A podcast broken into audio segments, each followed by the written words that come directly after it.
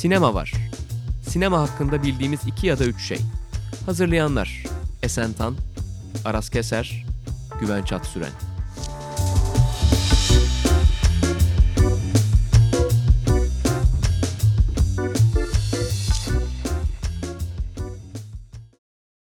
Herkese merhaba. Film Lovers ve Sokrates Podcast'ın işbirliğiyle hazırladığımız Sinema Var'da bu hafta 2019'un en sevdiğimiz filmlerini konuşacağız. Ben Esen Tan, yanımda Aras Keser ve Güvenç Astrad'la birlikte seçtiğimiz gene her zaman olduğu gibi 3 film üzerinden size bu haftanın kendi seçtiğimiz 2019'un en sevdiğimiz filmlerini konuşuyor olacağız. Biliyorsunuz ortalıkta zaten çok fazla listeler dönüyor. İşte 21. yüzyıl listeleri, 2010 listesi, 2010 sonrası, 2000 sonrası filmleri falan gibi şeyler dönüyor. O yüzden biz de bu yıla odaklanalım bu programda. Tam böyle yılın sonuna doğru yaklaşırken dedik. O yüzden buyurun sizden başlayalım. Ya birazcık aslında birkaç uyarıyla mı başlasak? Uyarı. Kullanım kılavuzu. Evet. Yani bu programda ya sadece 2019 yapımı filmleri dikkate aldık. Bir kere onu söyleyeyim. Çünkü bu uzun zamandır devam eden işte 2019'da gösterime girmiş olanlar mı yoksa yapımı olanlar mı falan gibi şeyleri artık bunları bir kenara bırakmamız gerekiyor. Çünkü buraya gelmeden önce baktım mesela 2018 Ocak ayında ilk olarak Sundance'de gösterilen Wildlife Türkiye'de Şubat 2019'da girmiş ve ben şu an 2019'da 16 Aralık'ta 2018 Ocağı'ndaki bir filmi konuşamam ya. Bu çok saçma bence ki sevdiğim de bir filmdi Wildlife. O yüzden sadece 2019 yapımı filmleri dikkate aldık. Tabii ki izleyemediğimiz filmler falan da var. Hani biz zaten bunlar en iyi filmlerdir falan demiyoruz. İzleyebildiklerimiz arasından en sevdiklerimizi sıraladık. İzleyemediklerimiz de var. Hala merak ettiklerimiz. Büyük ihtimalle Şubat ayında bu listemiz tamamen değişecek. İşte Uncut Gems gelecek. Benim çok merak ettiğim Emma var. Pedro Costa'nın hangi filmi vardı? Vitalina Varela. Bu, o yüzden bence herkese de önerim budur. Aralık ayında da bir liste yapın. Sonra Şubat'ta bütün filmleri izleyince bir liste daha yapın. Her şey böyle sevgiyle çözülsün yani. Barış içinde halledilsin bu konu. Evet. Bir başlamadan önce şey de söyleyelim. Aslında filmlerimizi seçerken kendi aramızda konuşup birazcık danışıklı dövüş yaptık bu bölümde. Çünkü hepimizin çok sevdiği bazı filmler var. İşte genel olarak konsept olarak her birimiz üçer film seçiyoruz. Ama işte bazı kibarlık yapıp tamam Esen'cim işte alev almış bir genç kızın portresini sen seç. Aras Acı ve Zafer'i de sen seç kardeşim falan gibi. Böyle kibarlıklar al evet. gülüm ver gülümler Bunu hep yapıldı. sen yaptın. Evet, sana hiç öyle bir şey En, yapmadık yani. bu sayede de ne oldu? En havalı filmler bana kaldı. Siz hep herkesin bildiği, herkesin sevdiği filmleri seçtiniz. Kibarlık yapayım derken biz Kendime de birazcık işte sanki... sizi böyle popüler Ama hepimiz konuşacağız bu filmleri. Bizim burada biliyorsun öyle bir hiyerarşi efendim şey yok. Yok. Paylaşım esastır. Kardeşlik, güven ve sevgiyle açalım bence artık programı. Evet. Bu arada aslında biraz şeyden de başlayabiliriz bence filmleri tek tek geçmeden. Bayağı şey bir sene. iyi bir sinema senesi oldu. Çok iyi bir Hep sinema. galiba hep mi böyle oluyor bilmiyorum. Hep yılın ortasına gelene kadar diyoruz ki bu sene biraz kesat mı? Şöyle mi böyle mi? Geçen sene daha mıydı? iki sene önceki daha iyi mi derken yıl sonuna geldiğimiz zaman böyle elimizde bayağı böyle bir 10-15 tanelik iyi böyle elle tutulur kıymetli filmler kalıyor. Bu sene de onlardan biri oldu. Hatta belki daha bile fazla 10-15'i. Şimdi yuvarlak rakam olsun diye söyledim. Evet, yani geçen sene de şeyi hatırlayın hani Ekim ayı gelene kadar hiç böyle ya olmadı olmadı. Yani benim listemi hatırlıyorum ben geçen sene 2018 listemi 5 film vardı. Sonra film ekimiyle beraber ve sonunda işte romanın da gelmesiyle birlikte bir anda 2018'de de hangi film seçeceğimizi şaşırmıştık. Ama ben 2019'un biraz daha iyi olduğunu düşünüyorum yani filmlerin e, kalitesi açısından. Ve bugün konuşacağımız filmler arasında belki ona da değiniriz. Yani Netflix'in de artık hani yavaş yavaş bu sinema dünyasında ana aktörlerden biri olduğunu kabul etmemiz gereken bir yıldı 2019 yani. Ki tam da bunu söylemişken bugün aldığımız habere göre biraz önce senin adını andığın Safti kardeşlerin Uncut Gems'i de 31 Ocak'ta yanlış hatırlamıyorsam Türkiye'de vizyona girmeden Netflix'te yayınlanacakmış. Bunu da aklımıza gelmişken Aynen. söyleyelim. Yani Irishman, Mary Story, Atlantics ve Uncut Gems ki bunlar ödül sezonunda da adlarından çok çok konuşulan filmler. Hiçbir Artı olarak I Lost My Body'yi de ben söyleyeyim. Evet, evet, Ayvalık'ta çok- izledim ve bayağı iyi de bir film. Animasyon olarak da belki yılın en iyi filmi Netflix'ten geldi. Artık onları kabul etmek ve sevmek zorundayız galiba. Yapacak bir şey yok. Yani artık zaten Esen bu konuda çok dolu. Onları sevmek zorundayız değil. Zaten onlar sevilesi bir şey yapıyor falan gibi bir noktada olduğu için. O tartışma çok güzel. Biz çünkü her Evet. hafta bunu konuşuyoruz. O zaman Esen sen ilk filminle bize bir açılış yapsan neyi konuşalım? Hmm, tamam. Ee, az önce çok mainstream filmlerin bize kaldığına dair e, bir şeyde bulunan e, dikkat çeken sevgili Güvenç Atsüren için benim birinci filmim. Muhtemelen gerçek işte böyle sinefil olanların ancak ya da böyle sinemayla gerçekten çok çok çok ilgili olanların dışında çok bilinmeyen bir yönetmenden bir Romanya yönetmeni olan e, Porin boyundan E, bu sene film ekiminde izlediğimiz ve muhtemelen önümüzdeki Ocak ayında ya da Şubat'ta emin değilim Türkiye'de Yanlış gösterimi olacak Ocak'ta olan. Ocak değil mi? Vizyonu olan. La Gomeda. The Whistlers Türkçesi ıslıkçılar Doğru. filmi. Film çok sevilmedi. Genel olarak çok sıkıcı bulundu bir takım eleştirmenler tarafından bazen. Çok böyle bir şey yaratmadılar. Sevilmedi demeyeyim ama çok üzerine konuşulmadı. Çok böyle bir rüzgar yaratmadı. Biraz da şundan dolayı bence çok büyük filmler var bu sene işte. Heh. Ki ana yarışmasında işte Evet. Cannes'daydı. Cannes'da açıldı film. Ana yarışmada açıldı. Ki Porumbu'nun ilk defa sanırım Cannes'da ana yarışmada olan filmi bu. Ama yani öyle ağır toplar vardı ki Cannes'ın ana yarışmasında. Şimdi zaten konuşacağımız filmlerin de çoğu oradan. İşte Portrait of a Lady on Fire, e, Pain and Glory, Parasite. Parasite falan bir sürü şey varken arada biraz kaynadı gibi oldu film. Lafını bölmüş gibi oldum. Lütfen devam. Yok yani genel olarak rüzgarından e, zaten yola çıkarak konuşmayı tercih ediyordum. Çok bir konuşulmadı üzerine ama bence bu yılın benim açımdan yani izlediğim filmler arasında en heyecan verici filmlerinden bir tanesiydi. Anlatısı biraz böyle şey e, klasik ki yani ben genel olarak zaten böyle Romanya sinemasına aşırı şey değilim bu arada oradan gireyim. E, çok sevdiğim, çok benimsediğim, inanılmaz anlayabildiğim, e, her türlü kalesini savunabileceğim bir sinema değil. Ama Porin Boy'un filmleri genelde böyle çok bir şey deneyen ve işte Romanya'daki genel şu anki sinemanın diline de uyan ama her filminde yeni bir şey deneyen bir yönetmen. O yüzden de bu filminde tekrar böyle beni inanılmaz heyecanlandırdı. Çünkü bildiğimiz konvansiyonel sinemanın, klasik sinema yapısının ve işte o dil arayışıyla ilgili çok hem refleksif bir şey yapması, öz düşünümsel bir şey yapıyor olması ve bunun da dışında çok ciddi bir e, işte film noir yapısını çıkartalım, işte suç filmi yapısını çıkartalım, onu çıkartalım. Bunu yani her şeyi yeniden nasıl kurgulayabiliriz? Ve işte sinema dediğimiz nasıl bir dil? Bu gerçekten bir dil mi? Bu uydurma bir şey mi? Biz film yaparken ne düşünerek, nasıl bir dil yaratmayı düşünerek film yapıyoruz falan gibi yönetmenlikle ilgili, genel olarak sinema diliyle ilgili çok çok e, yaratıcı nüansların olduğu çok şahane bir filmdi. Onun dışında anlatısı da bence gayet güzel. E, bu böyle şey değil sadece didaktik işte film nasıl yapılır film gibi bir şey değil. Sadece e, bağımsız sinema izleyenlerin, sinefillerin anlayabileceği bir film değil. Bence bayağı güzel bir hikayesi olan, anlatısı olan Ama bir film. bence tam da sahiplenilmemesi, hani bu kadar heyecan yaratmaması veya işte Türkiye'deki gösterimlerinde de biraz burun kıvrılması bu nedenden dolayı. Aslında dediğin şey çok doğru. Yani çok aslında net bir nasıl diyeyim casus hikayesi, polisiye gibi bir şey anlatıyor. Çünkü olabilecek en klasik haliyle belki hikayenin kuruluşu. Ama işte o janrın trükleriyle o kadar Evet. oynuyor. Hatta bir yerden sonra dalga geçmeye başlıyor. Ama şey değil hani böyle öfkeli bir yerden dalga geçmiyor. Onunla oynuyor ve bunu çok net hissettiriyor sana. Bunu komik bir şekilde yapıyor ve bayağı komik bir film bence bu arada. Ama işte bence o nüansın yakalanamaması dolayısıyla özellikle Türkiye'li seyirciler nezdinde çok karşılığını bulamadı diye Evet. düşünüyorum ben. Yani baştan böyle konvansiyonları çok iyi biliyor ve orada onunla nasıl oynuyor olduğunu takip edebilmek lazım ki bu şeyi bekler aslında. Çok geleneksel sinemayı sürekli izleyen, ana akım sinemayı izleyen bir seyircinin aslında çözebileceği bir şey. Yani bu adam burada böyle bir şey yapıyor diyebilmeyi e, sağlayan bir şey ama gene de o galiba çalışmadı. Ya benim filmi izlerken hissettiğim birinci şey şuydu. Tarantino nasıl işte o suç anlatılarına falan 90'ların başında yeni bir yorum getirdiyse işte böyle hikayeyi parçalı hale getirdiyse işte hikayenin akışını işte lineer akışıyla oynadıysa Porombi'de bu sefer sanki o Tarantino'nun dönüştürdüğü postmodern suç filmlerini bu sefer kendi süzgecinden geçirip anlatıyor Evet. gibi bir hissiyat yaratmıştı bende. Ki zaten film tam bir Tarantino filmi gibi başlıyor. Böyle tekne gibi gemi gibi giden bir yerde yani yine çok klasik Tarantino numarası da bilinen bir şarkıyla Evet. seyirciye bir huk, huk atma durumu. Bunda da işte Iggy Pop'un herkesin çok bildiği Passenger'ı çalıyor ve sen zaten aa bu şarkıyı biliyorum çok güzel şarkı falan diye filmi izlemeye başladığında Porumbu'nun avucuna düşmüş oluyorsun bir noktada. Ki tıpkı Tarantino'nun Pulp Fiction'da falan yaptığı gibi bir şey bu. Dediğim ben de film çok sevenlerden biriyim. Ya inanılmaz sahneler var bence filmin. O filme adını veren ıslıkçıların nereden geldiğini öğrendiğimiz ve harika çekilmiş bir sahne var bence.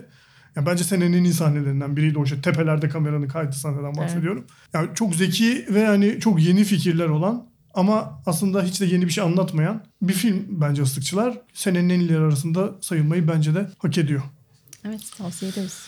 O zaman ben devam edeyim. Benim ilk filmim aslında hala yani liste yapacağım ve birinci sıram belli değil çünkü iki film arasında çok gidip geliyorum.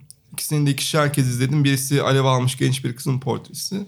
Biri de şimdi konuşacağım işte The Souvenir. Joan Hogg hiçbir şekilde hakkı verilmemiş bir yönetmen. Belki bunda onun birazcık lokal kalmasının da e, etkisi var. Çünkü İngiltere dışında bu film ne kadar çok bilinmiyordu. Kendisi de zaten filmini ilk filmini yapmak yani ilk sinema filmini yapmak için epey beklemiş. 47 yaşında ilk filmini yapıyor. Diğer üç filmine bakınca e, birazcık daha hani küçük hikayeleri olan, biraz daha lokal kalmasını haklı gösterecek e, filmler var. Onlar da çok iyi filmler bu arada. Unrelated'ı özellikle tavsiye ederim. Ama bu kez 2019'da işte ilk olarak Sundance'de gösterilmişti. Souvenir'le bence kendi sinemasını da bunu belki siyanmaya gelince de konuşacağız. Yani kendi sinemasında da ileriye doğru bir adım attı. Film ne anlatıyor derseniz 1980'lerin başında e, bir sinema öğrencisi olan bir genç kızla onun işte yaş çok büyük kendisinden büyük bir adam olan harap edici ilişkisini anlatıyor. Bu zaten biraz otobiyografik bir hikayeden yola çıkmış şu an ok. Bu arada ben az önce siz konuşurken fark ettim. Bugün seçtiğim tüm filmler yönetmenlerin otobiyografik hikayelerine dayanıyormuş. Bu da güzel bir tesadüf oldu benim açımdan. Ama bu kendi acısına da yani geçmiştik ilk aşkını aslında bu filmde Joan Hogg ilk aşkını ilk böyle onu hem sanata hem de hayata dair ilk görüşlerinin ortaya çıktığı dönemde yaşadığı harap edici bir ilişkiyi anlatıyor. Ama bunu yaparken o kadar dürüst davranıyor ve kendi acısını saklamak için e, hiçbir şekilde çabalamıyor. O kadar cömert davranıyor ki dürüst olmak konusunda. Gerçekten normalde böyle klişe olabilecek, normalde hiçbir şekilde seyirciye sirayet etmeyecek bir hikaye inanılmaz şekilde e, size nüfuz edebiliyor. Bu benim için geçer çünkü ben filmi üç kere izledim. İkincisi If'teydi. Ve çok korkunç bir şey oldu. Full olan salonun yarısı falan çıktı filmden ben inanamadım. Yani bu dünyada nasıl böyle şeyler oluyor düş- düşündüm gerçekten de. Çünkü her bir sahnesi o kadar özenle tasarlanmış. Her bir geçiş yani senaryosunda yani tek bir boşluk anı bile olmayan bir film bu. Ve o kadar klişeden ya benim için belki de en önemli tarafı bu. Hani filmi neden çok sevdiğime dair 10 sebep bulacaksan birinci sırada asla ama asla klişelerden yana olmayıp hatta onlara karşı savaş açması. Mesela burada biraz spoiler vereceğim. Filmi izlemeyenler şöyle bir dakika sessizliğe alsın bu andan itibaren. Filmin sonlarına doğru o malum sahnede hani gene çok spoiler vermeyeyim de hani trajik bir haber alınır. Ve anne ve kızı işte Tilda Swinton ve işte kızı Julie. O haberin karşısında hani bir şekilde ağlamak zorundadırlar değil mi? Hani o acıyı çekecekler ve ağlamaya başlayacaklar ve özellikle Julie'nin böyle harap olmasını bekleriz ve iki kadın yatağa uzanırlar ve bir anda annesi arkasını dönüp ağlamaya başlar. Yani o sırada sizin beklentiniz şudur. Hani ana karakteri ağlayacak çünkü aşkını kaybetmiş yani hayatının aşkını kaybetmiş kadın var. Ve bir anda annesi ağlamaya başlıyor. Yani normalde böyle filmlerde şey oluyor işte anne genelde şey bir karakter olur. Kızının işte acı çekmesini istemeyen, kötü ilişkiden çıkmasını isteyen, işte bir eroinmanla sevgili olduğunu biliyor çocuğun ve buna rağmen hani bir şekilde onun aşkına da o acısına da saygı duyup e, müdahaleci olmuyor. Ya filmin bu anlamda hani bu klişelerden kaçma anlamında sadece American Honey'e çok benzetiyorum. Yani beklediğiniz hiçbir şey size vermiyor. O anda size o güne kadar sunulmuş olan işte bütün filmlerde size sunulmuş olan o e, klişe anların tamamını tersine çeviriyor ve bunu yaparken o kadar sade ve sizi o kadar romantik belki de bugün artık inanmayacağımız bir romantik dünyaya sürüklüyor ki gerçekten yönetmene hayran kalmak dışında ve filme de hayran kalmak dışında hiçbir şey yapamıyorsunuz yani. Benim filmde en çok etkilendiğim nokta da şu. Ya filmin otobiyografik olduğunu yani onun kendi deneyimleri üzerinden şekillendiğini daha iyi bir sinema eseri sunmak için şey yapmıyor olması, saklamıyor olması. Yani filmin içindeki acıyı çok net hissedebiliyorsun. Bu çok önemli bir şey bence. Yeri geldiğinde işte o bahsettiği erkek karakteri filmden çıkarıyor. Sadece ana karakterine dönüyor. Çünkü asıl derdi o. Hani belki de kendi işte kendi yaşadığı şey.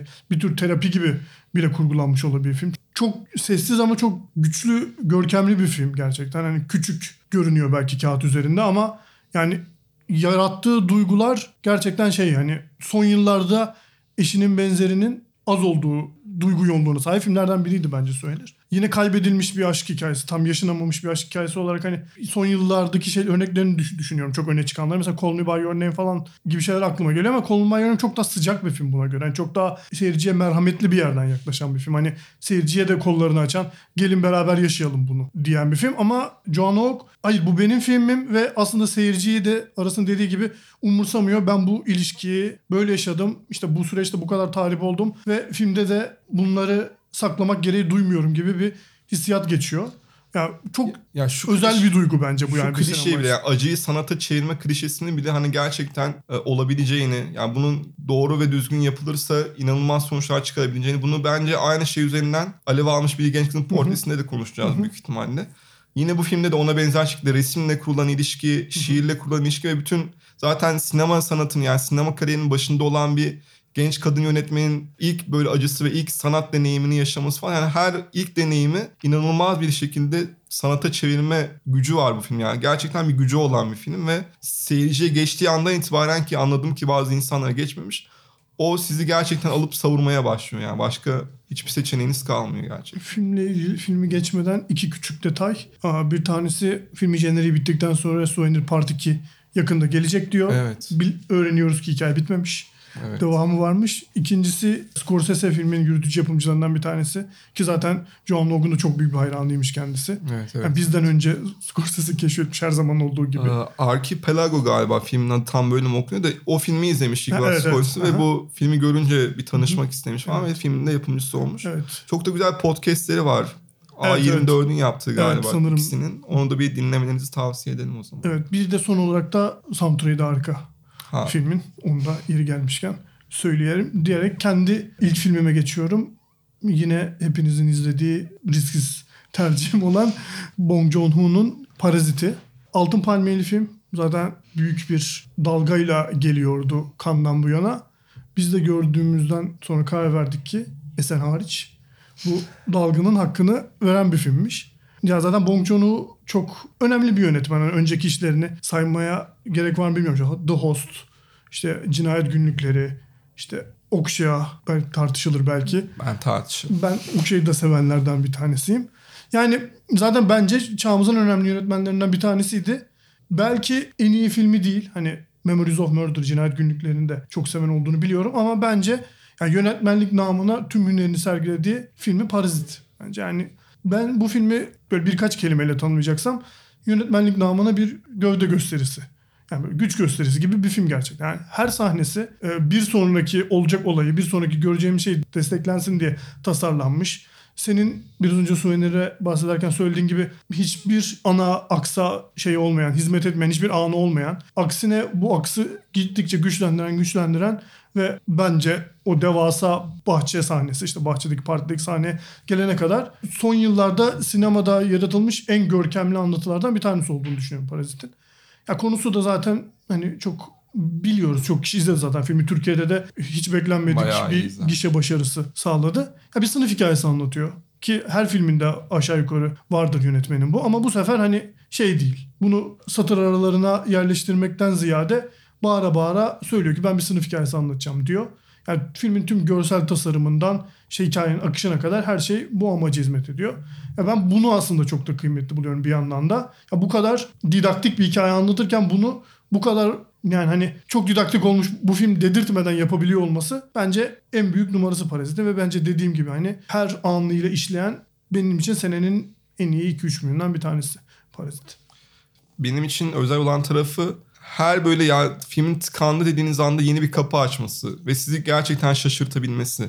Ya dediğin gibi hiçbir şekilde derinlemesine bir konusu yok aslında Parazit'in. Yani tamamen aslında konusu yüzeysel bir şekilde sana bağırıyor ve diyor ki ben bunu anlatacağım. Bu zenginler iğrençtir. Ya özellikle o mesela formüller buluyor bence inanılmaz bir şekilde. O koku meselesi mesela hani bir şekilde onu anlatman gerekiyor. Bunu sayfalarca konuşarak anlatabilirsin ya da bir sahneyle anlatabilirsin ama o sadece bir formül buluyor ve diyor ki koku üzerinden bunu kurayım ve sınıf çatışmasını koku üzerinden yani ki bunu büyük ihtimalle galiba Chabrol'den almış. Onun ünlü The Butcher filmiydi galiba. Kasap filmi. Bu Ser- anlamda Seremonisine de bayağı benziyor. Kabro. Ha aynen o da olabilir. Yani iki filmden birinde vardı diye hatırlıyorum ben de. Şey ben filme bu arada şeye de katılıyorum. Hani çok planlı programlı hani seyirciyi avucunun içine almak için elinden geleni yapan hesaplı kitaplar ama ben teslim olmayı seçenlerden ve bunu keyfini çıkaranlardanım. Bir tek sonuyla ilgili fazla uzatıldığını, fazla uzadığına dair yani o baba oğul ilişkisinin birazcık gereğinden fazla uzadığını düşünen bir izleyiciyim ama onun dışında her şeyine teslim oldum. Her şeyine okey dediğim e, ve kendimi bıraktığımda çok eğlendiğim ve çok sevdiğim bir film oldu. Ritmine hayranım film. Yani bu Müthiş bir kurgusu var. ritim konusunda ben yani çok birazcık takıntılıyım sanırım ve bir an bile aksamayan bir an bir sahnenin bir saniyesinin bile hani gereksiz olmadığı bir ritmi var filmin ve siz o filmi her izlediğinizde o ritme tekrar girebiliyorsunuz. Bu da bir izleyici deneyim olarak çok özel bir deneyim bence. Evet. Sen sevmiyorsun filmi. Peki. Ben sevmiyorum. Ben filmi biraz şey gibi. Ya galiba hani böyle bir modern sanat müzesine girersiniz. Herkes bir işin ne kadar görkemli olduğunu konusunda hemfikirdir. Şakasını da anlar o işin ne yapmaya çalıştığını ama Bazı insanlar o şakayı beğenmez, sevmez onu. Biraz bende öyle bir şey var filmin. Yani evet gördüm, şakanı anladım ve ben de çalışmıyor. Ben gülmüyorum ona falan gibi bir yerden görüyorum filmi. Öyle yani genel an, yani şeyi bir sürü okumaya alan tanıyan işte oturalım burada işte film kuramından geçin işte sosyal teoriden geçin her şeyden toparlanabilecek bir şey e, film. Ama onun dışında bana hiçbir keyif ve şey vermedi açık konuşmak gerekirse. O zaman ben Portrait of a Lady on Fire filmimle ikinci sırada yer alan e, devam ediyorum. Selin Siyaman'ın bu sene ortalığı ayağa kaldırdığı vay efendim biz hiç bu kadar duygulu film yıllardır izlemiyorduk dedirten ciddi anlamda insanları gözyaşlarıyla sinema salonlarından çıkaran işte Güvenç bana böyle çat- kaşlarını çatarak baktı ben gözyaşı falan deyince yo ben nasıl yani falan gibi ama Kalbim kararmış. bayağı insanı ağlattı ya o Yok film ağlattı beni de doldurdu gözlerimi. değil mi? Ama bu şey gibi bir ağlama babam ve oğlum gibi bir ağlama değil. Değil tabii canım. Yani o konuda hem fikir olalım da. Cıvık bir Ee, anlamda. tamam anlatayım ben o zaman neden Portrait of a Lady on Fire seçtim. Şöyle ki yani çok uzun yıllardır gerçekten sinema dediğimiz zaman yani böyle hani az önce Parazit'ten yola çıkarak aslında söylenebilir. Ve planlı, programlı ve iyi işleyen ve işte görkemli ve çok büyük filmler üzerine konuşuyoruz ve hep böyle şeyler geliyor işte çok ilginç bir strateji deneyen işte ne bileyim klişeleri yıkan işte farklı bir anlatım türü keşfeden farklı bir dil yapısına bürünen filmler falan üzerine konuşuyoruz ve iyi film iyi yapımlar hep çıkıyor. Ama galiba çok uzun zamandır bu kadar doğrudan çok naif bir anlatımla çok küçük bir hikaye üzerinden iki tane karakteri alıp inanılmaz bir duygu seline doğru sürükleyen bir film e, ben bilmiyorum hatırlamıyorum çok uzun zamandır. E, iki tane kadının bir ressamın ve işte o ressamın başka bir kadının resmini çizmesi üzerine kurulu bir hikaye. İzlemeyen varsa çok da anlatısına da şeye girmeyeyim. E, ve bu iki kadının arasındaki aşk meselesi. Gerçekten çok naif. Daha önce hiç yapılmamış bir şey değil. Dönem üzerinden de daha önce hiç yapılmamış bir şey değil muhtemelen. Ama çok çok duygulu, çok sinemanın böyle çok temelinde neler vardı onu tekrar bize hatırlatan. Böyle insanı yüreğini yeniden böyle bir sinema aşkıyla dolduran falan. Çok tatlı bir film. Evet, genelde böyle söyleniyor değil mi? Yani filmi bir yerden sonra sadece övmeye başlıyorsun. Hani anlatmaktan çıkıp. Ya ama bu film Ben hiçbir zaman galiba öyle. yani. bu arada. Film Galiba anlatamadığım Bu için. filme yani övmekten başka yapabilecek bir şey kalmıyor gibi. Bence senenin en iyisi. Ki hani 2000'lerin en iyisini yapmıştık ya geçenlerde. ee, onda da 9. sırama mı 10. sırama mı ne koymuştum yani. Son 20 yılın en iyi filmlerinden de bir tanesi. Bence bu arada ben şeye de çok katılmıyorum. Dediğine katılmakla birlikte o kadar da filmi naif bulmuyorum. Ama şey yani olumlu anlamda söylüyorum. Hani kötü niyetli veya planlı programlı olduğunda değil. Ee, çok bunda da çok iyi bir yönetmenlik olduğunu. Tabii hani ki. şey değil hani sadelikten kurmadığını düşünüyorum aslında şeyini. Ee, çünkü hani bir sürü sanat referansları, Ha, e, evet. yani sinemanın o dedin ya nereden kaynaklandığı şey işte bir sinemayı neden sevdiğimizi hatırlatıyor. Çünkü filmin en temel notu bakmak ve görmek e, hikaye arasında yani o, o denge üzerinden kuruyor zaten bu iki kadının arasındaki aşkı ve dolayısıyla anlatısının tamamını da. Hem sinemanın ne kadar güçlü bir şey olabileceğini hem ne kadar sade. Yani bir yandan çok sade dediğin gibi film çünkü yani çok az diyalog ve hiç boşa yazılmış bir cümle yok yine.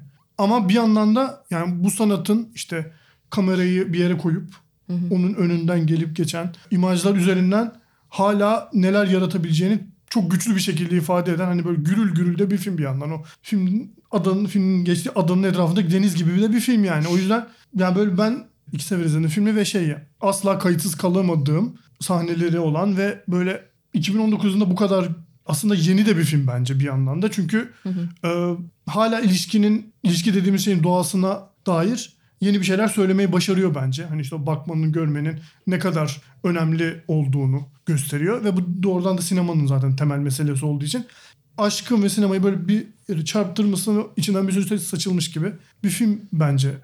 Alev almış bir genç kızın portresi. Tüm böyle bunları yaparken işte yani çok görkemli ve aslında bu arada ipin ucunu kaçırsa çok Evet. kötü kaçırabilir. Evet, evet. Bir yandan da böyle bir şeydi yönetmen ama o kadar ustalıkla çevrilmiş ve yaratılmış bir evren içerisinde on karakterleri yaratıyor ve hani o kadar hani naif bir yerden diyorum çünkü basite indirgenmiş gibi görünüyor ama aslında değil. Çok çok çok büyük bir şey Ha, tam yapmaya şey çalışırken. benim o. Evet evet yani ama aslında onların hepsini böyle işte bir karakter var bir de onun karşısında bir karakter var bir tane de işte evde başka yan karakter. Bunların hepsi aslında çok önemli ve iyi birbirine oturtulmuş e, tam birbirine denk düşen şeyler ve o işte evleri içinde bulundukları ev o gittikleri kıyı işte sahildeki işte dağların olduğu yer yani tüm o mekan tasarımı her şeyi her şeyi aslında tam böyle her şeyi birbirine tık tık tık tık uyan ve çok şahane bir anlatım olan. Yani finalini dışarıda bırakırsak hatta bir iki finalini de dışarıda Evet, bırakırsak Üç finalin.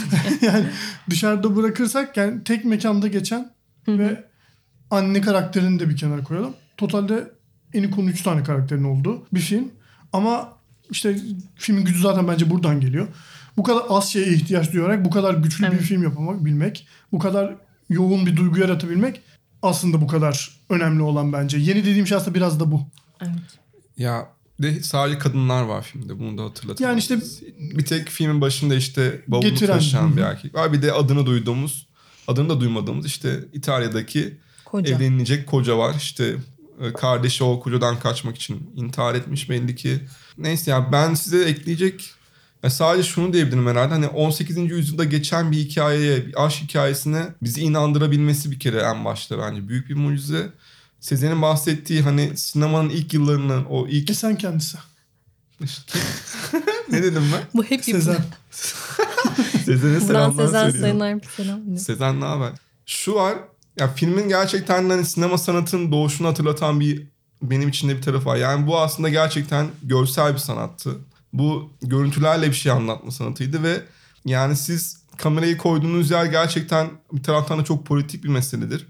Siz bir şey anlatırken o anlatının nasıl ilerleyeceğini, hangi görüntülerle ilerleyeceğini düşünmek zorundasın. Ama bugünkü sinemada artık bu yani büyük oranda diyaloglar üzerinden ilerlediği için ve hani biçimin artık yavaş yavaş e, kaybolmuş. Hani biçim artık sinemada 3. 4. sırada mesela gerçekten de. Bu biçimin 2019 yılında bir zaferi bence. Yani gerçekten bu visual bir sanattır. Biçim üzerinden anlatılması gerekir ve bunu sadece bakışlarla da olsa e, sadece işte bir portre ya tabii resim sanatından da çok fazla e, ödünç alan bir film. Ben bu açıdan da çok değerli. Yani bu gerçekten bu sinema dediğimiz bok arkadaşım bu görsel bir sanattır. Ve bunu gerçekten de görüntülerle anlatman gerekiyor. Yani oradaki her bir bakışı ben ikinci izleyişimde onu yaptım. Her bir bakışı takip ettiğinizde oranın yani o karakterlerin nereye baktığını, ne için baktığını, o bakışın nasıl değiştiğini takip etmek bile filmin böyle yani sadece onu takip etmek için bile izleyebilirsin. Yani bakışın doğasının değişi yani. yani. Bütünüyle hani zaten resim sanatından bahsettik. Şiirden, mitolojiden her yerden beslenen ve bugün artık bir aşk filmi izlemek 2019 yılında metrobüse binen bir insana çok bir şey ifade etmiyor gerçekten ama gerçekten sizi bir sinema salonuna sokup 18. yüzyılda yaşanmış ya da yaşanmamış olması hiçbir şekilde fark etmiyor. Bir aşka inandırması bence filmin 3-4 mucizesinden bir ya sürekli mucize diyorum filmden bahsedince başka bir kelime bulamadığım için.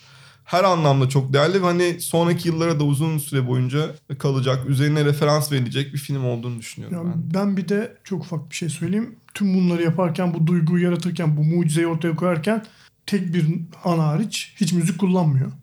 Ki o da zaten o hani kullandığı anda zaten Evet, film işte- kutsandığı anlardan kuts- biri. yani filmin şey yani zi- filme adını veren olayın gerçekleştiği andan bahsediyorum. Film için özel yapılmış işte bir akapella beste. Gerçekten inanılmaz ve hani benim de son yıllarda gördüğüm sinemada müziğin nasıl efektif kullanabileceğini böyle bir örneği. Yani çünkü ses bandı hani bir de şey piyanoda çaldığı bir Yani Vivaldi var. Vivaldi kısmı var ama o işte zaten hani filmin içinde olan bir şey. Yani üzerinden diyalog falan da geliştirilen bir şey ama diğer sahne ya gerçekten epik bir sahne yani. O ben filmin kutsandığı anlar diyorum. Evet. Mesela o işte kızın giysisinin alev aldığı anlar ve filmin sonu da aynı şekilde. Hani Siyama böyle araya 3-4 tane böyle bir anda dur şurada bir tane daha kutsayım bu film dediği bir böyle yükseliş anları yaratıyor ve hiçbir şekilde sarkmıyor. Yani bu filmin ritmini de bozan bir şey değil. Ya burada konuşursak hakikaten bir 4-5 saat daha konuşuruz Evet. bence. O Ekstra yüzden- diyecetik bir bilgi verip kapatayım mı Tamam. bu filmi? Filmde Lady olan Heloise karakteri yönetmenin eski sevgilisi. Ve bu yani lanet olsun bunu duyduktan sonra o kadar çok kötü olmuştum ben ilk filmi izledikten sonra ikinci gösterime girmeden önce bu film şeyi bilgiyi duymuştum ve korku yani o The Lady işte filme alınan kaydedilen kadın yönetmenin eski sevgilisi ve orada kurulan bağ İşte onun resmi, Onu resmi yeniden- yapılan kişi o filan. Vay be, kurgulanması falan çok çok şey böyle tüylerim diken diken olmuştu. Böyle bir bilgi. O zaman devam edelim efendim. Ee, o zaman yine otobiyografik dedik madem bütün diğer filmlerim gibi bu da bir otobiyografik hikaye. Almodovar'ın e, nihayet böyle bağrımızı açıp seviyoruz seviyoruz diye böyle hiç utanmadan söyleyebileceğimiz bir filmi var yıllar sonra. Ya ben Julieta'yı falan hani bir örnek filmini de seviyordum ama hani bunu açık açık çok iyi bir film diyemezdim. Şu an büyük bir gönül rahatlığıyla gayet başyapıt bir ve bu aslında bir sevindirici tarafı şu yani Almodovar'dan şarkıdaki yani tam ümidi kesmişken onu gördüm karşımda diyor ya İbrahim Tatlıses. Tam bu yani. Yani Almodovar'dan ümidi kesmiştik cidden yani işte Julieta'yı tam dediğim gibi okey bir filmdi ama Ben çok iyi önceki filmleri içimdeki deriden tut yani hiçbirini ben çok sevmiyordum. O korkunç bir uçakta geçen bir komedi filmi var mesela. Yani o da çok kötüydü ben. Hiçbirini sevmemiştim. Konuş onunla sonrası zaten ben büyük hayal kırıklıkları yaşadım sürekli. Ama bir taraftan bu film ya Penango'da şunu da gösteriyor. Bu adam bu yıllar içinde niye aslında yeniden çok iyi bir şey yapamadığını da gösteriyor. Çünkü anlıyoruz ki Almodovar yani film her şeyle otobiyografik. Karakter yani Antonio Banderas'ın oynaması bile zaten otobiyografik bir durum.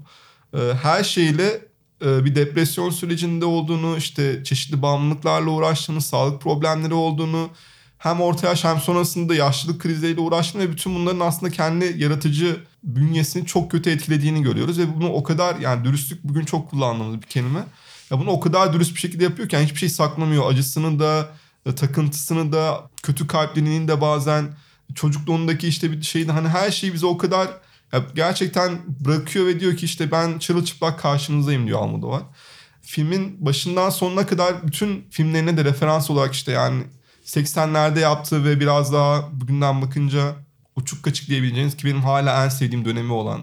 Zaten Almodovar'ı böyle çok kabaca ayırırsak dönemlerini böyle anarşist bir başlangıç. İşte Pepe Le Bon ve diğer kızlarla başlayan hani biraz daha underground bir yönetmen. İşte John Waters'la falan karşılaştırıyor ilk çıktığında. Daha sonra e, melodramla komedinin böyle birbiriyle dans ettiği bir sürece giriyor ki o süreçten işte Arzu'nun Kanunu 86 yapımı ki bence hala en iyi filmi gibi bir başyapıt çıkarıp sonrasında yavaş yavaş gerçekten de bugün usta yönetmen dediğimiz e, melodramlarına kayıyor. İşte bu bunun zirvesi de annem hakkında her şey. Yani bu üç bölüm ayırdığımızda bunun dördüncü bir bölümü olmayacak diye benim bir korkum vardı. Hani yaşı da ilerledi ve artık gelecek bir nokta yok. Kendini tekrar edecek gibi bir şey yaparken bütün bunların da hem ilk dönemini hem işte o melodrama geçişini hem komedilerin hepsinin bir arada harmanlandı ve bütün kendi sinemasını da kutsayan, kendi kariyerini de toparlayan bunu Kaan demişti galiba Carson. Hani sanki bir son filmmiş gibi çekilen ve onu sevenler için yani onu seyircisi olan insanlar için de büyük bir mutluluk kaynağı olduğunu düşünüyorum ben Pain Angulori'nin. Çok sevdim filmi. Her şeyle çok dürüst, çok kendine has ve Almodovar'ın bu kadar kendisini hani seyircisine çırılçıplak göstermesinin de çok değerli bir tutum olduğunu düşünüyorum yani. Ya Almodovar benim hiçbir zaman en sevdiğim yönetmenlerden biri olmadı. Dürüst olmak Kalk gerekirse. buradan. Ama ya her tabii ki hani şey de değil. Burun kıvırdığım yönetmenlerden biri de değil. Yani sevdiğim filmleri var ve önemli bir yönetmen diye baktığım bir yönetmendi. Dolayısıyla hani bu kadar da otobiyografik ve bu kadar kendi kariyerinden bahseden, kendi dertlerini ortaya saçtığı bir filme nasıl bir duygu geliştireceğim açıkçası merak ediyordum filme bakmadan önce ama şu an geldiğim noktada benim en sevdiğim Almodovar filmi bu. Ya bunu yapabilmek bile bence önemli. Yani En annem, hakkı, annem hakkında her şeyden de, konuş onunladan da, e, yine çok sevdiğim Snickers'in eşindeki kadınlardan da daha çok seviyorum şu an bu filmi. Ya çünkü sinemanın kendisiyle de çok doğrudan alakalı bir film ama bu sefer hani teknik bir yerden değil. E, Portrait of a Lady on Fire konuşurken bahsettiğimiz o bakmak görmek meselesinden değil. Sinemanın insan hayatında nasıl etkili olduğunu, onda nasıl duygular yarattığı üzerinden şekillenen bir film. Ya zaten hani film iki kanaldan akıyor. Bir işte günümüzde geçiyor. Hani Almodovar'ın şimdiki hali olarak tanımlayabileceğimiz işte Salvador'du sanırım karakterin adı. Onun şu anki halini anlatıyor ve bir yandan da karakterin çocukluğunu anlatıyor. Çift taraftan akan bir hikaye. Ve özellikle o çocukluk sahnelerinin tasarlanması beni çok etkiledi aslında. Bu an çok sakilde durabilecek bir şey. Çünkü çok abartılı anlar var o bölümlerde özellikle. Yani çok Almodovar'ı besleyen melodramların en böyle abartılı anlar. İşte bu şey çamaşır yıkarken şarkı söylemeye başlayan kadınlar işte böyle dalgalandırılan çarşaflar işte ilk anda gördüğünde çok etkilendiğin insan falan gibi böyle büyük anları girip çıkıyor ama bunları zaten bir film izlediğimizin bir film olduğunu ve Almodovar'ın da zaten bir yönetmen olduğunu ve dolayısıyla bu filmlerle kendini büyüttüğünü hani o filmlerle zaten sinema yapmaya karar verdiğini onlardan feyz aldığını falan düşündüğün zaman böyle her şeyle harika bir paket ve bence de en doğru kelime bu filmi tanımlarken dürüstlük. Ama yani dürüstlük mesela hani Joan Norgun filmini Souvenir konuşurken de dürüst tanımını kullanmak ilk aklımıza gelen şey belki.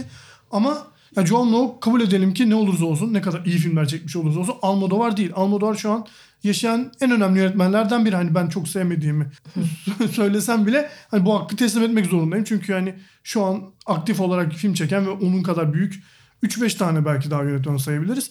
Ya Almodovar gibi bir kişinin ki arasında dediği gibi son dönemde altın çağını yaşamadığına itiraz edecek kimse yok bence. Yani son bir 10 yıldır falan iyi bir film yapamamıştı. Hatta yani yaptığı filmler kötüydü. Julieta da bence kötü. Ama işte Almodovar tüm bunlardan sıyrıldığı zaman hem neden sinema yapmaya karar verdiğini hem de neden iyi filmler yapamadığı üzerine kafa yormaya başladığı zaman bir kez daha kanıtlıyor ki hala çağımızın en büyük yönetmeni. Kendisinin farkında olması. Evet ya bu bu bence şey şey bir durum. Aşkın bir durum ya bu hani şey değil.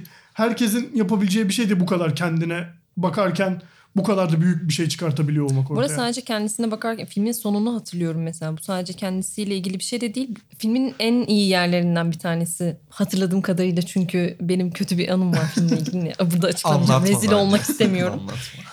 Neyse sonunu görmüşsün. en azından. Sonu mesela sonu inanılmaz çarpıcı filmin. Yani hiç böyle neredeyse yani biraz klişe mi bu filmin yapısı Değil ya falan işte. diye düşünürken ters köşeye getirip bitirmesi çok çok şahane. İşte o- Ee, orada şöyle bir şey yapıyor aslında. Yani sinema ile ilgili şey dedin ya böyle sinemanın yaptığı gibi doğrudan bir şey üzerinden kurmuyor. Bakmak görmek arasından kurmuyor ama bence dürüstlükle ilgili şeyi fiction üzerinden kuruyor olması, kurmaca üzerinden kuruyor Evet. olması çok iyi mesela. Ama işte o fiction'ın da yarattığı o duygu açıdan- üzerinden kuruyor. Benim kastettiğim şey oydu. Evet evet ama şey demiyor yani ben size gerçekliği sunuyorum değil yani ben size bir kurmaca sunuyorum ve bu kurmacanın içinde ben çok dürüstçe bir şey söylüyorum aslında Çünkü zaten- demesi çok en Ya Almodovar şey. hani tüm kariyerinin her döneminde bunu yaptı zaten. İşte o ilk işte senin daha anarşist hani punk dönemi ki zaten punk grubu solisti demine falan o dönem.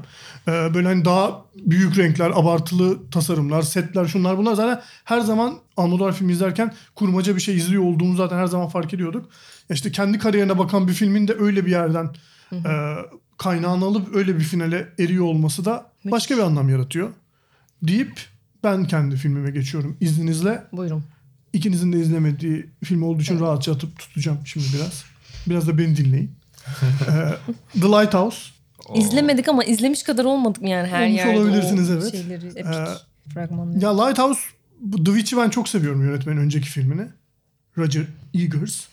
Ama yani Lighthouse şey bir ustalık eseri gibi. İkinci filminde böyle bir film çekmiş olabilmesi aslında beni çok heyecanlandırıyor yönetmenin. Bir şeyde etrafında hiç başka bir şey olmayan bir adada geçiyor film ve o adanın üzerindeki bir deniz feneri.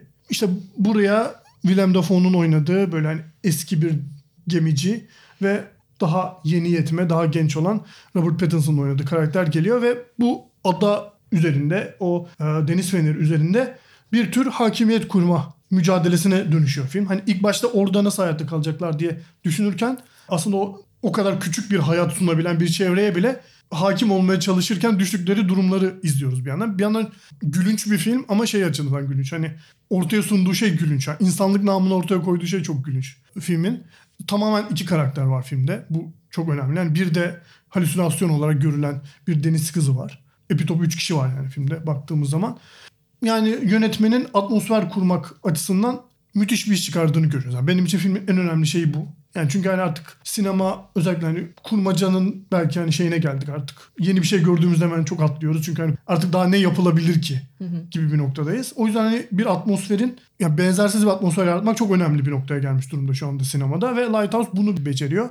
Şey eleştirileri var filmle ilgili. Bunlara katılmakla birlikte bunların hiç rahatsız olmadım. O da şu hani zaten işte iki erkek birbirine hakimlik kur, hakimiyet kurmak istiyorlar. Bir yerden sonra aralarındaki ilişki homoerotik bir yere gidiyor filan. Ama bunu sahip olmaya çalıştıkları şeyi bir fallik obje olan deniz feneri yüzünden kuruyor. Bu da çok Freudian bir okumaya çok açık ve hatta şey psikanalitik 101 falan gibi bir yere varabilecek bir sürü yer var filmin bu arada. Hani dolayısıyla hani çok belki hani psikoloji karakterlerin psikolojisini temel aldığı yer olarak çok düşük bir seviyede olabilir. Ama bunun üzerinde inşa ettiği şeyi ben çok kıymetli biliyorum. Ya şey yani uzun da bir süresi var filmin. Küçük bir film de değil.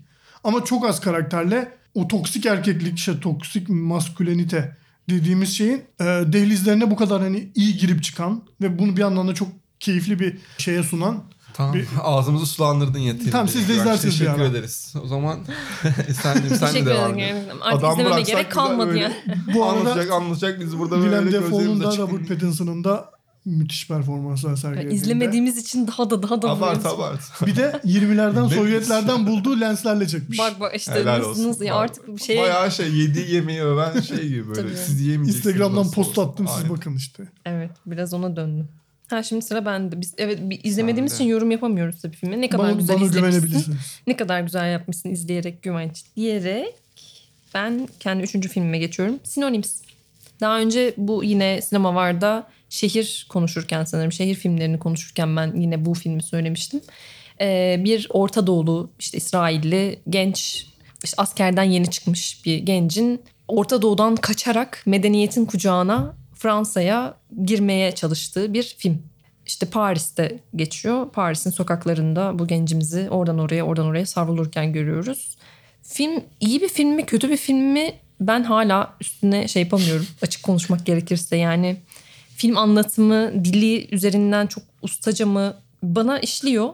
Ben beğendim filmi ama hani gerçekten şeyi bilmiyorum. Oturup da böyle ahkam kesemiyorum yani filmi sonuna kadar savunmak gibi bir şey asla girmeyeceğim ama benim son derece beğendiğim ve böyle hem şehirle ilgili hem de işte medeniyetle ilgili hem de işte son zamanlarda çok konuştuğumuz sınırlarla ilgili bir sınıra ait olmak, bir işte ülkeye ait olmak, bir bölgeye ait olmak, aidiyetle ilgili, e, globalleşmeyle ilgili belki bir yerde, yabancılıkla ilgili bir sürü şey söyleyen, bunların altını çize çize söyleyen, hiç öyle şiirsel bir yerden de söylemeyen bence bir film. Didaktik de denebilir belki belli bir ölçüde ama belli bir ölçüde bence işini iyi yapıyor ve aslında amaçladığı şey bu zaten. Böyle protest bir tavrı var filmin. Ee, onun için de gayet yerli yerinde olduğunu düşündüğüm e, bana kalırsa sadece 2019 için yani şu dönemlerde bu yıllarda üzerine konuşulması gereken ve mutlaka üzerinde durulması gereken e, bir takım konulara alan açtığı için önemli buluyorum o yüzden seçtim. Ya ben sadece şunu ekleyebilirim. Bu film de otobiyografik bir hikaye. Filmin yönetmeni hatırlamıyorum adını ama. Nadav Lapid. Ha, onun mesela işte gençliğinde ilk Paris'e geldiğinde yaşadıklarından esinlendiği bir şey. Ben filmi sevenlerdenim. Bunun bir numaramda sebebi de baş karakterin performans. Bunu gerçekten her anlamda performans olarak kullanıyorum. Zaten ilk filmiymiş. Bir oyunculuktan ziyade bir gösteri yapıyor aslında ve onun o manikliği kameraya da yansıyor ve sen bir yerden sonra sadece onu takip ediyorsun. O karakterin ruh halini, o savruluşlarını takip ediyorsun ve bu bir noktada senin canını da sıkabilir ya da yönetmen kendisi de bir noktada sanki bırakmış hani film savrulsun demiş gibi düşünmüştüm ve o savrulma halini ben gerçekten de iyi buldum. Sevdim film. Hani o tabii ki böyle aksiyen yerleri olduğunu farkındayım. Bazı noktalarda filmin e, ritminin kaybolduğunu da farkındayım. Ama bütün bunlara rağmen işte baş karakterin o şeytan tüyüyle bir şekilde seni içine çekebiliyor ve sen de o eğer dediğim gibi hani bunu kabul ediyorsan o savrulmayı bir sorun yaşamıyorsun diye Evet, düşünüyorum. yani. Şey oyunculuktan ziyade koreografi izliyor gibi hissediyor insan böyle bir dans gösterisi bu işte ana karakterde dans ede ede bir şey anlatıyor böyle cool Evet, bir evet, aynen. izler gibi O, o açıdan bence de önemli bir film ama tam da Parazit'i övme sebebimin aksi yönde didaktikliğini nereden kurduğu ve nereye iş- nasıl işlettiği konusunda benim problemim var filmle. Yani nasıl hani Parazit bunun altını defalarca çiziyor ama her çizdiği çizgiyle anlatıya yeni bir şey kuruyor. Yeni bir parça ekleyebiliyorsa bu filmin bunu yapamadığını düşünüyorum. Hep aynı yani başladığı noktada kalıp karakteri farklı işte durumlara sokup çıkarttığını ama ürettiği anlamın ilk baştakinden çok da farklı olmadığını düşünüyorum. Filmle ilgili aslında problemim bu benim çok sevmeme nedenim. O zaman benim son filmim Mary Story ile devam edelim. Mary Story ile ilgili artık o kadar çok şey gördük, okuduk ve hani takip ettik filmle ilgili yeni söylenecek hiçbir şey yok belki ama ben sadece bütün konuşulanların üstüne bir ekleme yapabilirim herhalde. Yine otobiyografik bir hikayeden yola çıkıyoruz ama şöyle bir fark var. Şey diyor Bomba. Bu otobiyografik değil kişisel bir film diyor. Burada Bamba bir kere şey yapalım. bir nüans hakkını var. Evet. Filmin bütün o evlilik sürecinin, aşk aşık olma sürecinin, çocuk sahibi olma filan bütün o e, hepimizin aşina olduğu filmlerden hani yaşamasak da ve bildiğimiz çevremizden gördüğümüz o sürecin aslında çok cehennemi, çok böyle insanların başkalaşmasına sebep olan bir de bürokratik bir tarafı olduğunu, boşanma dediğimiz şeyin ya da ayrılık dediğimiz şeyin sadece iki insan arasında değil e, bir bürokratik böyle kafkaesk bir evrende de gerçekleştiğini ve bunun kişilerin kendisini de inanılmaz gerilimli ya da gergin karakterlere dönüştürdüğünü bize çok iyi gösterdiği için e, iyi bir film. Yani romantik ve şey tarafını zaten bir şey diyeyim. Yani o meşhur kavga sahnesi bugün bile artık şu anda bile hani sinema tarihine geçen kavga sahnesi, o mektup sahnesi ya filmin o diyalog üzerine kurulu olsa da e, görsel olarak da böyle hafızamıza kazanacak o anlarının e, hepsinin belli ki çok e, yaşanmış bir tarafı var ve bu yani aynı şey yani dürüstlük ve işte Almodovar üzerinden söylediğimiz o samimiyet dediğimiz şey hani gerçekten de bamba bir kişisel döküm bir kayıt tutmuş ve bize bunu izletiyor. Bunu sevenler var, sevmeyenler işte fazla diyalog üzerinden kurulduğunu söyleyenler var. Ben çok sevenler tarafındayım ve filmin inanmadığım ya da hani ya yok burada da abartmış dediğim tek bir anı bile yok. O yüzden bu seçkide olması gerektiğini düşündüm. Filmi izledikten sonra evlenebilen biri olursa buradan kendisine öncelikle sevgilerimi ve saygılarımı daha çok sunuyorum. Buyurun. İki şey söyleyeceğim sadece. Bir tanesi Bamba her zaman çok iyi bir yazardı. Ee, bence ama yönetmenlik namına iki karakterini de hani böyle nasıl ortada taraf tutmadan orijin noktada durabildiği açısından yani bu yönetmenlik hüneriyle ilgili bir şey ve yönetmenlik olarak en iyi işini çıkardığını düşünüyorum Main Story'de. Ee, diğeri de şu çok alakasız bir şekilde bir yerde otururken arkadaşlarla sohbet ederken evlenmek falan üzerine böyle bir sohbet ediyorduk. Tam o sırada oradan geçen bir bir yaşı bizden büyük bir abimiz şöyle bir şey söylemişti. Filmi ben o zaman izlememiştim. Şu an söylediği şeyin ne kadar doğru olduğunu bir kez daha düşünüyorum. Dedi ki evlilik insan haklarına aykırı bir şeydir dedi. Bravo. Buradan 10 puan gidiyor Buradan kendisine. kendisine de selam olsun. Dinlemeyecek muhtemelen bu podcast'i ama biraz da çok da doğruymuş. Ve ben de son filmimi Evet, bitirelim söylüyorum izninizle. Ben hani bu podcast'i dinleyenler benim sürekli Pedro Costa övüyor olmamın alakasız bir şekilde farkındadır belki. Şu ana kadar hiç övme fırsatı olmadığı, on, bulamadığım ama hala şu çağın hakkı verilmeyen yönetmenlerinden bir tanesi olduğunu düşündüm. Bruno Dumont'un son filmi Jean isimli filmi. Yani Jean d'Arc, John of Arc olarak e, İngilizce çevrilen film. Ee, sayısız defa Beyaz Perde'ye aktarılmış bir hikayesi var bu karakterimiz. Zaten hani herkes üç aşağı beş yukarı nasıl bir figür olduğuna dair fikir sahibi. Sessiz dönemde Dreyer'in çektiği filminden işte Sinema tarihinde yani işte. Ros- Roselli'ni çekmiş, Luc Besson çekmiş, Luc Jacques Rivet çekmiş. Çekmiş de çekmişler bu karakterin hikayesini.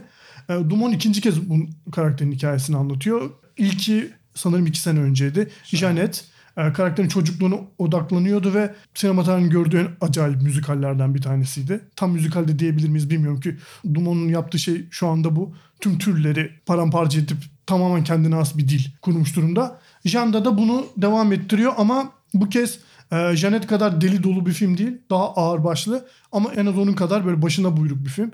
Ya, anlatı kalıplarını seyircinin, e, eleştirmenin beklediği şeylerin hepsini bir kenara bırakıp hikayesi defalarca anlatılmış bir karakterin hikayesini bu sefer kendi istediği gibi anlatıyor ve ya ben onun sinemasına şey kalamıyorum.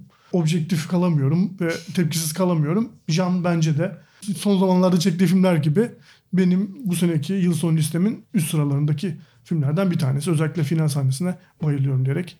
Evet. Gene Güvenç Öztürk'ün Aras Keser'le benim izlemediğimiz bir filmi öve öve öve Evet. Hadi kapatalım ağzımızı sulandırarak ben şunu söyleyeyim. Dumont ya bu filmi izlemedim de ben Dumont'un ilk o ciddi döneminde artık öyle ciddi ve komik dönemi var. Ciddi dönemini de çok seviyordum. Sonra bu delirdiği hani artık şey hani ana yarışmada hani yönetmen alan bir adamken bir anda böyle eleştirmenler haftasının böyle kimsenin gitmediği filmlerini çekmeye başlayan adama dönüştüğü o sürecin çok radikal, çok yapılması gereken ve hani Kesinlikle. çok e, yani eğlenen bir insan belli ki eğleniyor kendi kariyeriyle de filmlerle de. Ben o dönemini çok fazla destekliyorum ve tüm filmlerini sevdim. O sonraki o komik dönemini.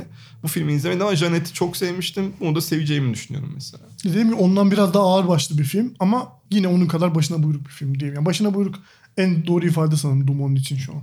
Evet o zaman... çok güzel. O zaman bu haftanın yavaşça sonuna gelelim. Bu senenin de sonuna gelmişiz gibi. Bu senenin de sonuna geldik evet.